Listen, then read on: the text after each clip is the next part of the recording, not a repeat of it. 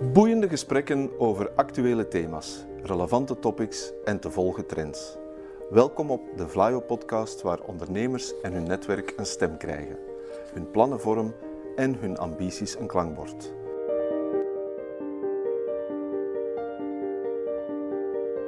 To the point waar het kan, dieper gravend waar het moet. Inspirerend, informerend, ondersteunend. Van artificial intelligence, blockchain en circulaire economie tot digitale zorg. Wij knopen het in jouw oren. In onze gezellige studio in Leuven ontrafel ik samen met bedrijfsadviseur Bas Sturm het geheim, of zeg maar de geheimen van, succesvolle startups. We doen dat aan de hand van het boek The Startup Scorecard van Geert-Jan Smits. Welkom Bas. Dag Werner. Bas, een beetje als een voorafname, wat zijn de drie belangrijkste takeaways die onze luisteraars volgens jou moeten meenemen? Wel, we gaan het zeker moeten hebben over team. Iets wat me is opgevallen in zijn discours is purpose, dus daar moeten we het ook even over hebben. En ik heb ook een nieuw woord geleerd, ambition. En als ik dan stiekem nog een vierde erbij mag toevoegen, dan is het executiekracht. Omdat hij daar ook de nadruk op legt. En dat is iets wat niet zo specifiek op mijn radar stond. Maar nu ik las, vond ik het toch wel belangrijk. Oké, ik ben benieuwd. Maar misschien moeten we eerst starten met de definitie van een start-up. Want niet elke starter is een start-up, begrijp ik.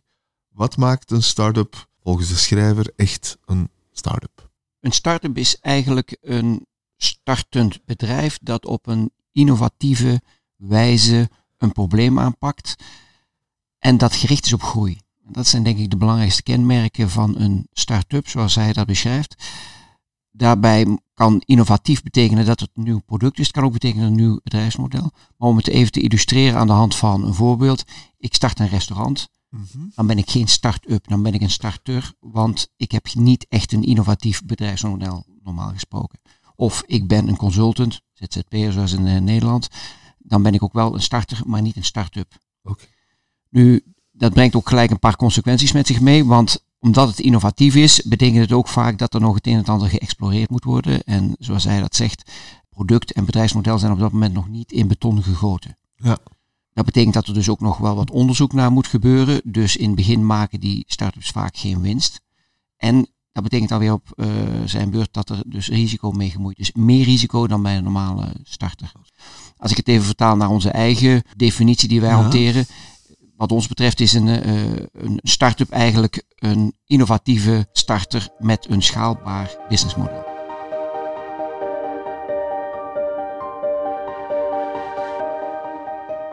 De schrijver probeert met zijn startup scorecard het geheim achter die succesvolle startups te ontrafelen. En hoe pakt hij dat precies aan? Ja, hij is zelf ondernemer.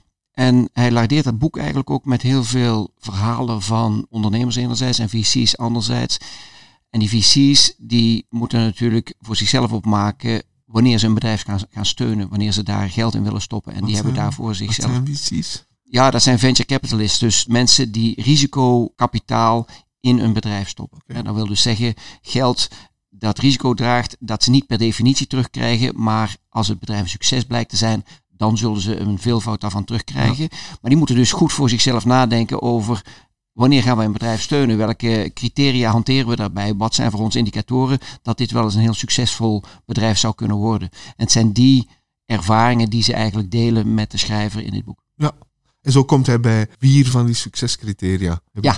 Wel, hij noemt purpose, profit, hij heeft een fijne alliteratie, Oké. people en product. Oké. Bij elk van die succesfactoren heeft hij dan nog een vijftal criteria. Je kunt daarop scoren, dus zelfs als je het boek niet zou lezen en je zou alleen even in de kaft kijken, dan kun je die vier succesfactoren zien en de criteria die hij daarbij hanteert, of de vragen die hij daarbij hanteert. Dus je zou daarbij gelijk een score kunnen geven aan je eigen bedrijf als je een ondernemer bent, of eh, een bedrijf van een ander wanneer je een investeerder zou, zou zijn. Vier P's dus. Purpose, profit, people en product. Ja. Daar gaan we straks dieper op in. Maar voor we dat doen, wil ik het met jou even hebben over de Vlaio innovatieve startersteun. Waar jij eh, heel nauw bij betrokken bent. Wat is dat precies? Wie komt daarvoor in aanmerking? Hoe verloopt die procedure? Kan je daar iets meer over vertellen, Bas? Ja, wel het is een subsidie, 50.000 euro, eigenlijk een soort van lump sum die bedrijven krijgen om hun product marktfit verder uit te werken. Onzekerheden die er daarover zijn, we hebben het er net al even over gehad, die zijn er vaak bij start-ups, Ja. om die weg te werken. Het is voor start-ups jonger dan twee jaar. In die zin hanteren wij een wat strenger criterium dan Geert-Jan Smits, die zegt tot vijf jaar. Bij ons is het tot twee jaar. Ze moeten een schaalbaar businessmodel hebben, zoals gezegd. En we beoordelen eigenlijk op een vijftal criteria. Dus één is pionierschap, twee onzekerheden, team kijken we naar, skin in the game en potentieel. En ik denk dat vier van de vijf redelijk Ja. normaal zijn, maar die onzekerheden is heel specifiek voor ons, omdat anders dan een VC die bijvoorbeeld zal zeggen, ja, hoe minder onzekerheden, Ja. hoe beter. Eh, moeten wij toch wel kunnen zien dat er echt nog onzekerheden zijn waaraan gewerkt kan worden, want anders is een bedrijf simpelweg niet subsidieerbaar van onze kant uit. Het proces, om daar dan ook even op in te gaan, komt erop neer, je dient een aanmeldingstemplate in. Dat is een pagina of zeven doorsnee, eh, dus, dus eh, redelijk beperkt. Op basis daarvan kunnen wij bepalen, kom je in aanmerking? Daar zit ook een aandeelhouderstructuur in, zodat we even kunnen zien of je echt voor de formele kwalificatie in aanmerking komt. En dan is uiteindelijk bepalend een pitch voor de jury. Oké. En je kan die aanvraag het hele jaar door indienen? Of? Eigenlijk wel. Er zijn vijf evaluatieperiodes per jaar. Dat is anders dan in het verleden overigens. Eh, Dus om de twee maanden is er een evaluatieperiode. Ja, tussentijds kun je dus gewoon jouw aanvraag indienen. Die aanvraag, dat verloopt via een van de partners of via tien bedrijfstrajecten. Maar zie ons op dat moment ook maar even als een van de partners. Dus wij hebben binnen ons netwerk een aantal eh, werkgeversorganisaties. We hebben eh, kennisinstellingen, we hebben incubatoren. En een aantal daarvan hebben we uitgenodigd om mee als partner in dit systeem te werken. En dat helpt ons om dus een veel bredere kijk te houden op het hele ecosysteem van start-ups. Mhm. En ze helpen ons ook in de begeleiding eh, van die bedrijven. Ja. Dus eigenlijk hebben ze dan al een stukje begeleiding gehad. Nog voordat ze bij ons komen, zijn ze al een stukje beter, rijper eh, en, en ook al voorgeselecteerd. Oké. Heel duidelijk. Ik zie het als een heel sterk voorbeeld, sorry dat ik je nog even Nee, onderbrak, eh, Werner, van samenwerking binnen het netwerk dat we hebben. hè, Het Flyo-netwerk, want dit is eigenlijk een, een, een, een sub-netwerk binnen dat netwerk. En de, de, de samenwerking is Ja. hier eigenlijk heel intensief.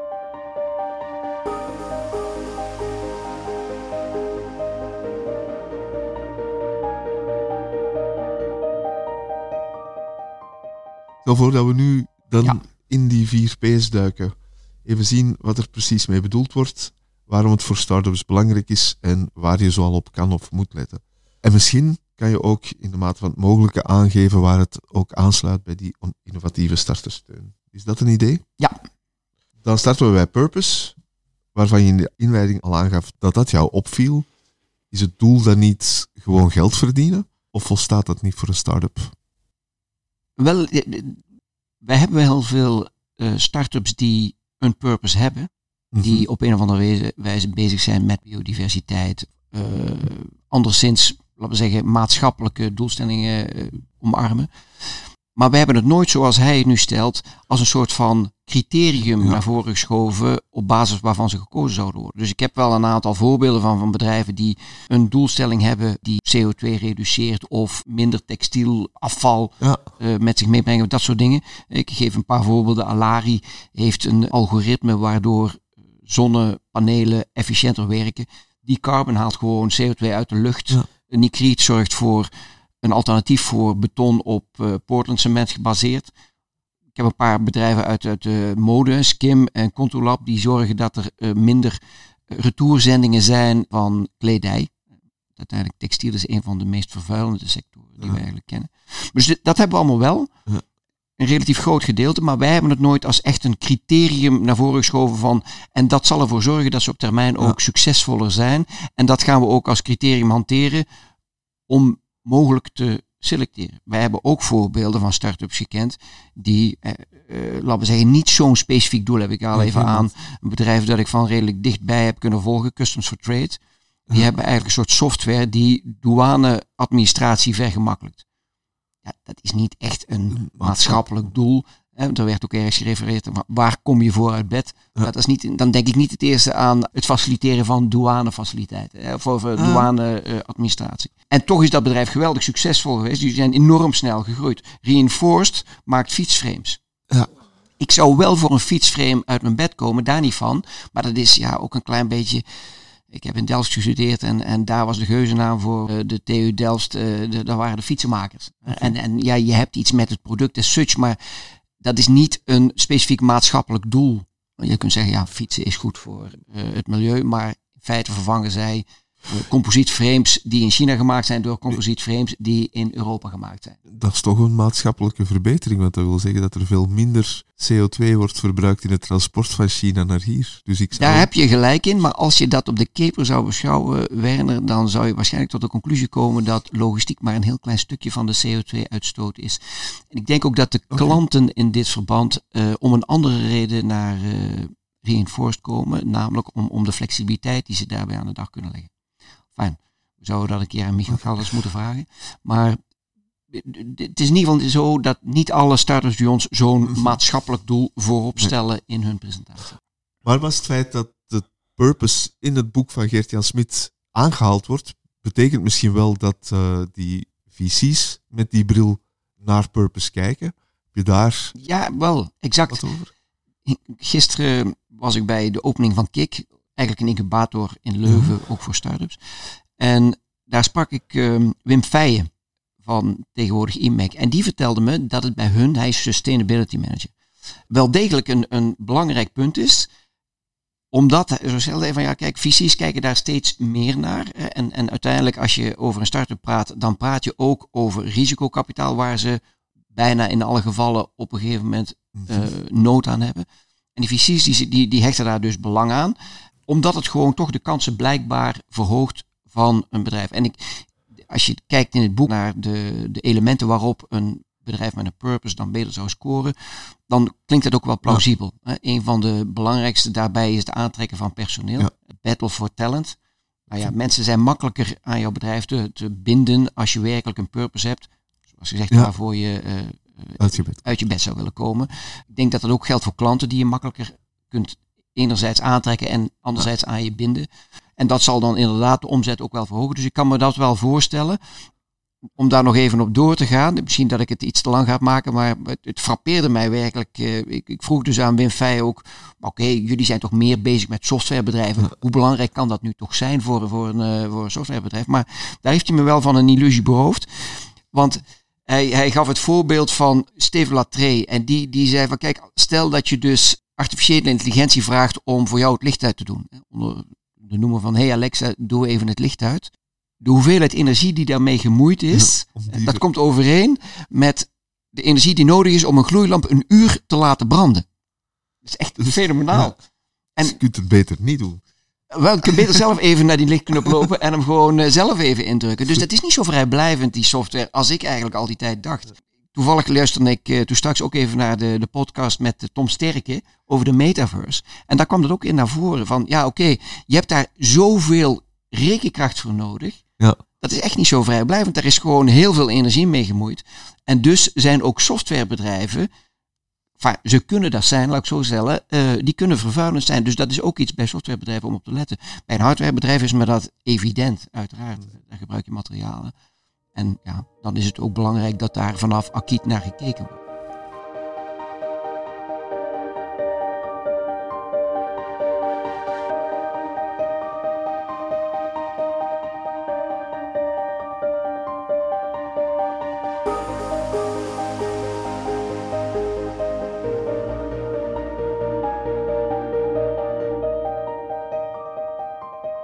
Tweede succescriterium voor startups profit. Dat lijkt me inderdaad ook niet onbelangrijk. Maar staat wel een beetje in contrast met wat je daar straks zei over startups. Onmiddellijk geld is er nog niet mee gemoeid. Dus hoe ziet dat profit en startups? Nee, het is juist. Eh, in het begin maken ze vaak geen omzet, laat staan winst. Ja, okay. Dus ze zijn op zoek naar de juiste product-marktfit. Dat betekent dat ze dus door een periode gaan uh, waarin ze verlies maken en mogelijkerwijs in kaststroomproblemen komen.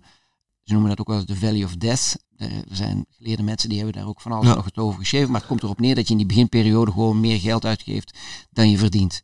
En dus hebben ze in die periode extra geld nodig vaak. Onze subsidie kan een stukje daarin bijdragen. Maar er zijn nog andere bronnen. Je kunt ook een lening aangaan. Je kunt ook risicokapitaal aantrekken, waar we het net al over hadden. Gewoon even uh, voor de record. Daar is recent ook een nieuwsbrief over uh, verschenen ja. van uh, Vlaio, waarin een paar van onze collega's die specifiek daarin zijn gespecialiseerd. Mhm. Andere vormen van financiering dan subsidies. Ja. Uitleg geven wat je allemaal zou kunnen doen hier in het Vlaamse landschap en wie mogelijkerwijze We zullen ondersteuning kan bieden. de link in de liner Ja. notes meegeven. Goed plan. Wat moet ik daar nog meer van zeggen? Als je het dan toch hebt over profit. eh, Een van de dingen, dus je kunt een purpose hebben. Je kunt dus dingen doen eh, die goed zijn voor het milieu. Maar als je geen winst maakt, dan ben je natuurlijk toch zo uitgerangeerd. Dus het blijft wel een heel belangrijk element.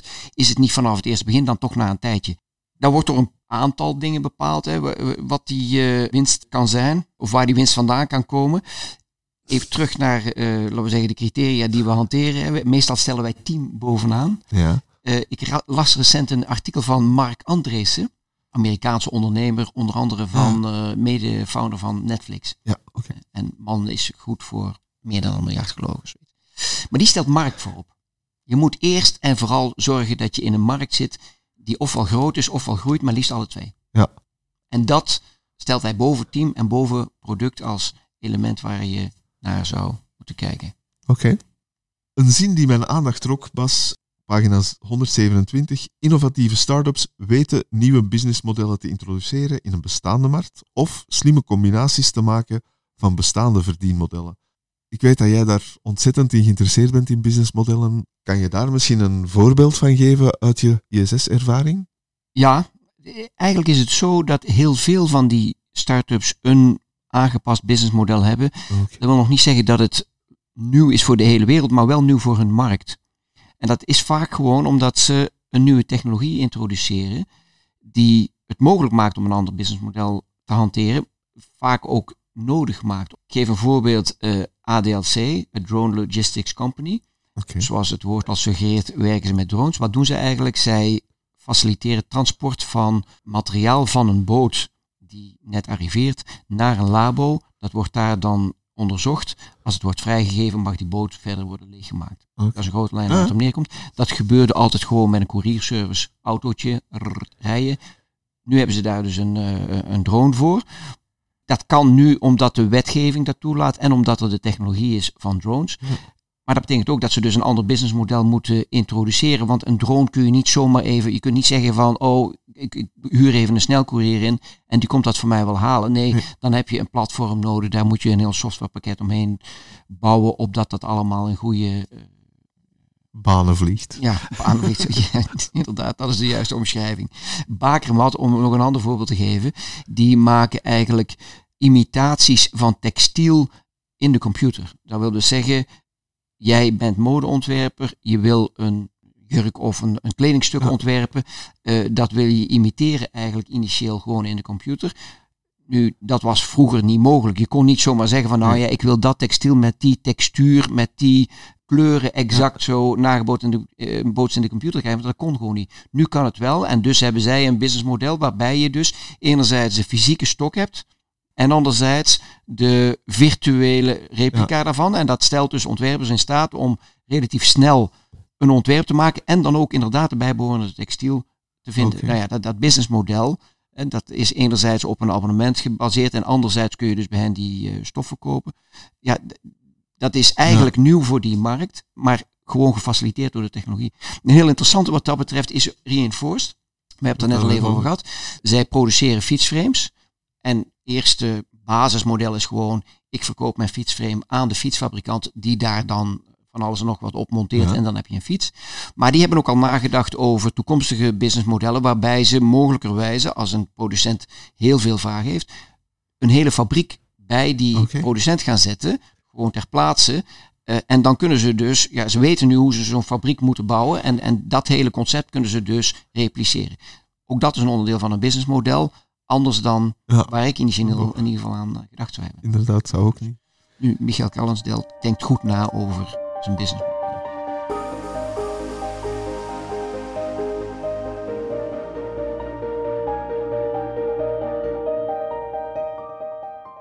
Iets waar de auteur behoorlijk wat aandacht besteedt rond die profits zijn de unit economics. Wat is dat voor iets? Waarover gaat dat, unit economics? Ja, eigenlijk is het niet heel erg complex. Het komt hierop neer. Als je een product verkoopt, dan moet die prijs en zeker de marge die erop maakt, dusdanig groot zijn dat je daarmee al je kosten kunt Ja. afdekken. Lijkt me En dat is in grote lijnen het verhaal. Is dat sommetje niet goed gemaakt, en dat blijkt dan in de praktijk nog wel eens te gebeuren, ja, dan blijf je natuurlijk verlies maken. Ja. En het lijkt heel simpel zoals ik het nu zeg, eh, van oké, produceren kost zoveel, ik betaal zoveel aan partijen in de keten, voilà, dus ik weet precies wat mijn kosten zijn. Maar je moet daar natuurlijk ook wel mee rekenen de kosten die je moet maken om bijvoorbeeld een klant te maken. Ja. Customer acquisition cost, zoals ze dat noemen. Daar is tijd en dus geld mee Geld, gemoeid. ja. hè. En je zult er ook weer een aantal kwijtraken op een bepaald moment. Dus dan moet je weer nieuwe gaan maken. Dus er zijn wel meer kosten die misschien een beetje verdoken zijn, die je wel ergens gaat moeten verdisconteren om uiteindelijk tot eh, een goede prijs te komen voor jouw unit. Helemaal duidelijk. Komen we bij het derde criterium van Gert-Jan Smit. People. Om een P, omwille van P. Maar eigenlijk is het gewoon het team waar jij Ja. nogal de nadruk op legt in de criteria die je aan de dag legt bij innovatieve va- startersteun. Ja, hij haalt het aan. En, en dus zou je denken, oh, dat is een bekende, daar weten we alles al van. Maar hij introduceert toch wel een paar nieuwe dingen die, die voor mij ook wel weer een, eh, een eye-opener zijn. En die me in ieder geval tot nadenken hebben aangezet. Dus het eerste waar je bij team naar kijkt, is gewoon het aantal mensen. Dat heeft twee voordelen. Eén, dat blijkt een heel belangrijke te zijn. Er was recent een, eh, een artikel van Torcel, die heeft 25.000 start-ups onderzocht. En dat komt ook als, als heel belangrijk naar voren. Gewoon het aantal mensen. Eén is een beetje een nadeel. Twee, drie is heel goed. Vier wordt wat veel. En vijf is eigenlijk al te veel. Ja. Dan hebben we het alleen over de founders. Hè? Niet Ja. over het aantal mensen dat er werkt. En dat kun je heel makkelijk meten. Dus dat is nog een keer eh, een voordeel. Maar hij heeft het dan bijvoorbeeld ook over complementariteit. Kan ook nog. Hè? Daar kunnen we wel naar vragen. Hij zegt daarbij dan ook nog een keer. Je moet wel zorgen dat ze min of meer dezelfde waarden en normen met elkaar delen. Dus dat wordt ook alweer ietsje Ja. complexer. En dan komt hij met die term executiekracht. Waar we het in het begin al heel eventjes over hadden. En daar heb ik eigenlijk nooit zo specifiek over nagedacht. Shame on me. Maar in feite lijkt me dat inderdaad een heel belangrijke. Maar dan komt de volgende vraag naar boven. En hoe gaan we dat dan ja, naar boven halen in een gesprek waarin we willen beoordelen in hoeverre zij eh, steun zouden moeten krijgen? Maar hoe begrijp jij executiekracht precies? Wat is dat voor een team en waarom is dat belangrijk? Ja, wel, goede vraag moet ik zeggen. Eh, Een exacte definitie zou ik niet gelijk kunnen geven, maar er is die gevleugelde uitspraak. eh, Een innovatie is, laten we zeggen, 10% inspiratie, 90% transpiratie. Ja. Het gaat over die 90% transpiratie. Gewoon, we weten een aantal dingen niet, hè, als we het hebben over ISS en wat we daarin doen. We willen dat onderzoeken, hoe gaan we dat aanpakken? Daar een gestructureerd plan van maken. Dat zullen dan teams toekoer wel kunnen. Ja. Eh, maar, maar dan moet je het ook gaan uitvoeren Doen. en dan echt ook gewoon doen. En daar loopt het ook nog wel eens vast. Ja. Dat Wie men toch blijft? Ja. in, in, een, in, in de eigen staart bijten en, en op de zolderkamer knutselen. En niet naar buiten toe om een aantal dingen te doen die feitelijk zouden moeten gebeuren. Enfin, daar zijn zeker veel voorbeelden van te bedenken. Alleen dat stellen we dan vast achteraf. En hoe zouden we ervoor kunnen zorgen dat we het vooraf te Ja. weten komen? Nu, daar wordt in dat boek ook wel gesuggereerd dat je een aantal vragen kunt stellen. Want stel dat dit gebeurt, wat doe je dan? Ja, ik- wil daar zelf ook nog wel eens over nadenken. Wat zouden wij kunnen vragen opdat we daar beter onze nagel ja. achter zouden kunnen krijgen? Een zicht op krijgt op de executiekracht van een team. Ja. Na team of people komen we bij product uit. En daar, en dat was voor mij een beetje nieuw, daar houdt Geert-Jan Smit een pleidooi voor de strategie van de snelle volger. Ja. Wat is dat? Wel, de eerste keer dat ik daarvan hoorde, dat kwam van eh, Malcolm Gladwell. Oké. Die heeft daar een exposé van meer dan een uur over gehouden op een van de Creativity World Forums. En die zei, je moet de derde zijn. Oké. Niet tweede, niet vierde, derde. Nu, ik vermoed dat hij dat ook een klein beetje deed voor de toon van zijn verhaal natuurlijk. Maar het kwam wel neer op wat, wat Smit hier ook eh, zegt. Het is niet altijd een voordeel om als eerste met iets te komen. En ik zie daar eigenlijk, eh, laten we zeggen, twee elementen in. Enerzijds, als jij de eerste bent, dan moet je eigenlijk de hele markt ontwikkelen. Maar. En dat betekent dus dat je aan mensen moet gaan uitleggen dat ze überhaupt een probleem hebben. En daarna kun je dan zeggen, Dit is de eh, oplossing. Voor dit is de oplossing van, eh, van het probleem. Het tweede is gewoon timing as such. Ja. Dus soms komen bepaalde innovaties gewoon te vroeg. En ik heb daar uit eigen beleving ook wel een voorbeeld van. Nu zie je dus redelijk wat bedrijven in de bouw die industrieel bouwen. Dat wil dus zeggen niet alles samenstellen op de werf, maar Ja. we maken in de fabriek modules, liefst zo groot mogelijk, nog net transporteerbaar. En die assembleren we dan op de werf. En, en dus we reduceren de werk die, het werk dat moet gebeuren op de werf zoveel mogelijk. En we vervangen dat door werk dat gebeurt in de fabriek. In de fabriek heb je ideale omstandigheden. Daar is het altijd precies de juiste temperatuur. Je bent ook minder afhankelijk van of ambachtslui. Dus typische voorbeelden, uh, skillpot, branch, uh, circle, zet daarop in. Maar mijn vader, ondertussen 84, die was daar ook al mee bezig in de jaren 60. In de tijd dat hij in het leger zat, toen moest hij dus ontwerpen maken voor ook industrieel vervaardigde gebouwen. Nou ja, eigenlijk met, met vergelijkbare overwegingen. Maar dat kwam toen gewoon niet, niet van de grond. Dat heeft dus weer decennia niks gedaan. En nu zie je het alsnog weer ontstaan. En ik denk eerlijk gezegd dat de timing nu wel juist is.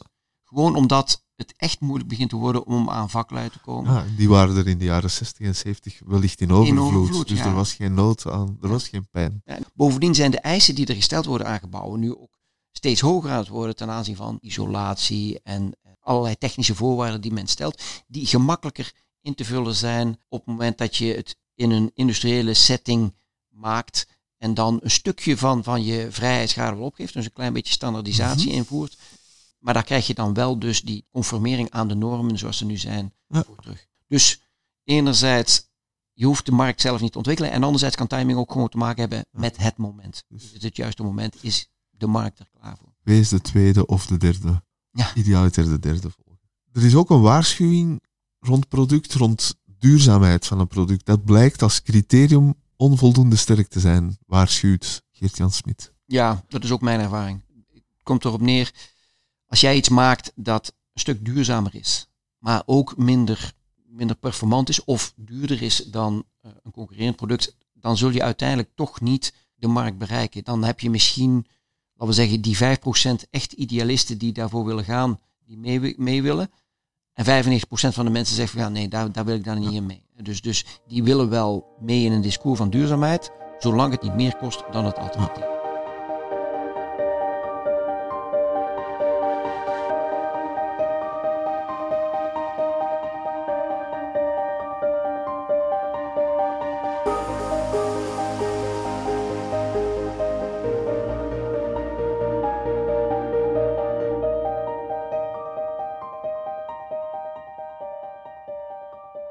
Waar ik het initieel bij het lezen van het boek wat moeilijker mee had, was dat het op twee gedachten hinkt. Het spreekt inderdaad start-ups of potentiële start-ups aan met die scorecard.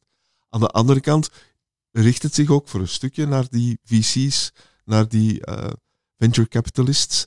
En de vraag is, hoe doe je dat precies? Wat kunnen de venture capitalists uit dit boek meenemen? Ik denk best veel. Ik zie ons eigenlijk ook een beetje als een VC. Ja.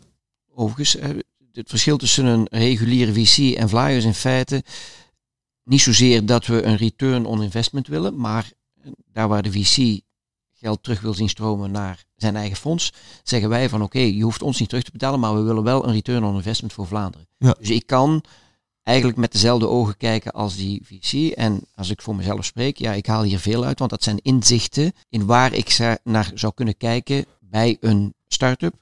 Ja. Welke criteria wil ik, wil ik onder de loep nemen om te zien, maakt dit bedrijf een kans om inderdaad uit te groeien tot een succesvol bedrijf. Dus daar geeft het zeker handvatten voor, inzichten. Nu zijn dat allemaal wetenschappelijk onderbouwde waarheden, daar we niet per se, hè, want veel van die uitspraken van die VC's, waarmee hij het boek lardeert, ja, dat zijn een beetje intuïtieve, soms subjectieve zaken die men naar boven haalt, maar dat is daarom niet slecht. Dat is eigenlijk wel goed om, om dat mee te krijgen. Een van de dingen die je daar aanhaalt is ook belang. Jurgen Ingels deed dat ook al in zijn boek van een pitch deck, een goede pitch deck. Ik neem aan dat jullie bij innovatieve startersteun daar ook mee te maken hebben als die nieuwe starters komen pitchen bij jullie. Kan je daar nog iets over vertellen? Ja, ik denk dat wat hij zelf aanhaalt als onderwerpen die in zo'n pitch deck naar voren moeten komen, min of meer bij ons er ook wel in zitten. Hè? Dus hij, geeft aan van oké, willen weten welk probleem je hebt en wat dan de oplossing is die je voor ogen hebt. Welke markt richt je je op? Wat zijn de klanten? Hoe ziet dat product eruit? Hoe ziet de concurrentie eruit? Daar willen wij ook wat uh, over weten uiteraard. Eh, en hoe onderscheid jij je dan van die concurrerende producten? Hij heeft het over tractie en roadmap. Eh, dus hoe ziet hij dan, ja, dat vragen wij ook. Hè, hoe zie je je groei in de komende jaren ontwikkelen? Marketing en salesplan wordt hier naar voren gehaald. Dat is bij ons eerder beperkt. Okay. Ga ik eerlijk in zijn. Team komt naar voren. De financials. en dan eventuele financieringsbehoeften. Dat is denk ik bij een pitch deck van een VC misschien nog iets meer geëxpliciteerd, want dat kan variëren. Wij zeggen Ja. gewoon van oké, je krijgt 50 euro, dus dat is of 50.000 euro, dus dat is voorlopig even waar het over gaat. Nu, wat hij ook nog aanhaalt, is de 10-20-30 regel van Kai Kawasaki. Jou Mhm. zeker bekend. Absoluut. En als je exact het aantal onderwerpen aanhaalt wat hij hier ook eh, geeft, hè, dan heb je voor elk onderwerp één pagina. Want, is- of, één slide, hè, want je hebt 10 slides. Je mag er 20 minuten over doen, zegt hij. eh, Bij ons is dat overigens 15 minuten, dat is Ja. een klein verschilletje. Maar met name die 30 regel vind ik nog wel een interessante. Want ik heb dus recent nog eens een keer quasi alle pitch decks die ik onder ogen heb gezien van, van ISS van het laatste jaar bekeken. Er is er niet één die een eh fonttype met 30 punten eh, aanhoudt. Dus dat is ook wel heel veel. Dus Ja, maar daar zijn wij jou in het aantal woorden op een slide. Wel. Ik, ik heb nu zelf, eh, ik ben bezig met, met een, een presentatie over waar moet een presentatie aan voldoen. En dan heb ik eens gezet, heb ik gezegd, oké, ik zet het eerste eens even in 30. Dan heb je inderdaad maar een heel beperkt aantal woorden. Maar als ik kijk naar bijvoorbeeld onze huisstijl, eh, eigenlijk is denk ik de standaard 20. Ja. Dus ik heb het daarna naar 20 gereduceerd, nadat ik eerst even gekeken heb of het in 30 past. Ja, oké. Dus we zijn iets clementer dan eh Gai Kawasaki eh, in, in dit verband. Daarmee zijn we bijna aan het einde van ons gesprek aanbeland. Maar de aandachtige luisteraar weet dat zij of hij nog één ding van jou te goed heeft. Je beloofde aan het begin van ons gesprek de uitleg over een nieuw woord dat je geleerd had. Hou ons niet langer in spanning, Bas. Wat betekent ambition? Ja, dit is eigenlijk een samentrekking van humility en ambition. Twee Engelse termen. Eh, dus eh, bescheidenheid en, en ambitie. En ik denk dat dat inderdaad twee belangrijke zijn. Dus ambitie nog niet echt vernoemd, maar lijkt me een heel belangrijke voor een start-up. Want als die er niet is, dan zul je ook niet gaan. Ja. Eh, enerzijds dus voor de hand liggend, maar anderzijds ook alweer een moeilijke om te meten. Van hoe kom je daarachter? En voor wat betreft die bescheidenheid, kunt dat, en ik doe dat toch in ieder geval in mijn hoofd, enigszins vertalen naar coachbaarheid. En dat is wel een heel belangrijk. Ja. Dus, dus in hoeverre zijn starters, founders bereid om te luisteren naar derden? En dat moet zeker niet alleen maar zijn naar Vlaio. Wij kunnen een paar dingetjes bijdragen, maar wat mij betreft, de beste starters, die hebben gewoon een aantal mensen rondom zich die hen advies verlenen. Het is niet de bedoeling dat je één op één alles overneemt van één van die consultants. Maar maak daar voor jou het beste van. Maar je moet er wel voor openstaan, want anders dan gebeurt er niks. Dat is een hele mooie afsluiter van deze podcast. Bas, heel erg bedankt voor jouw inzichten en graag tot een volgende. Graag.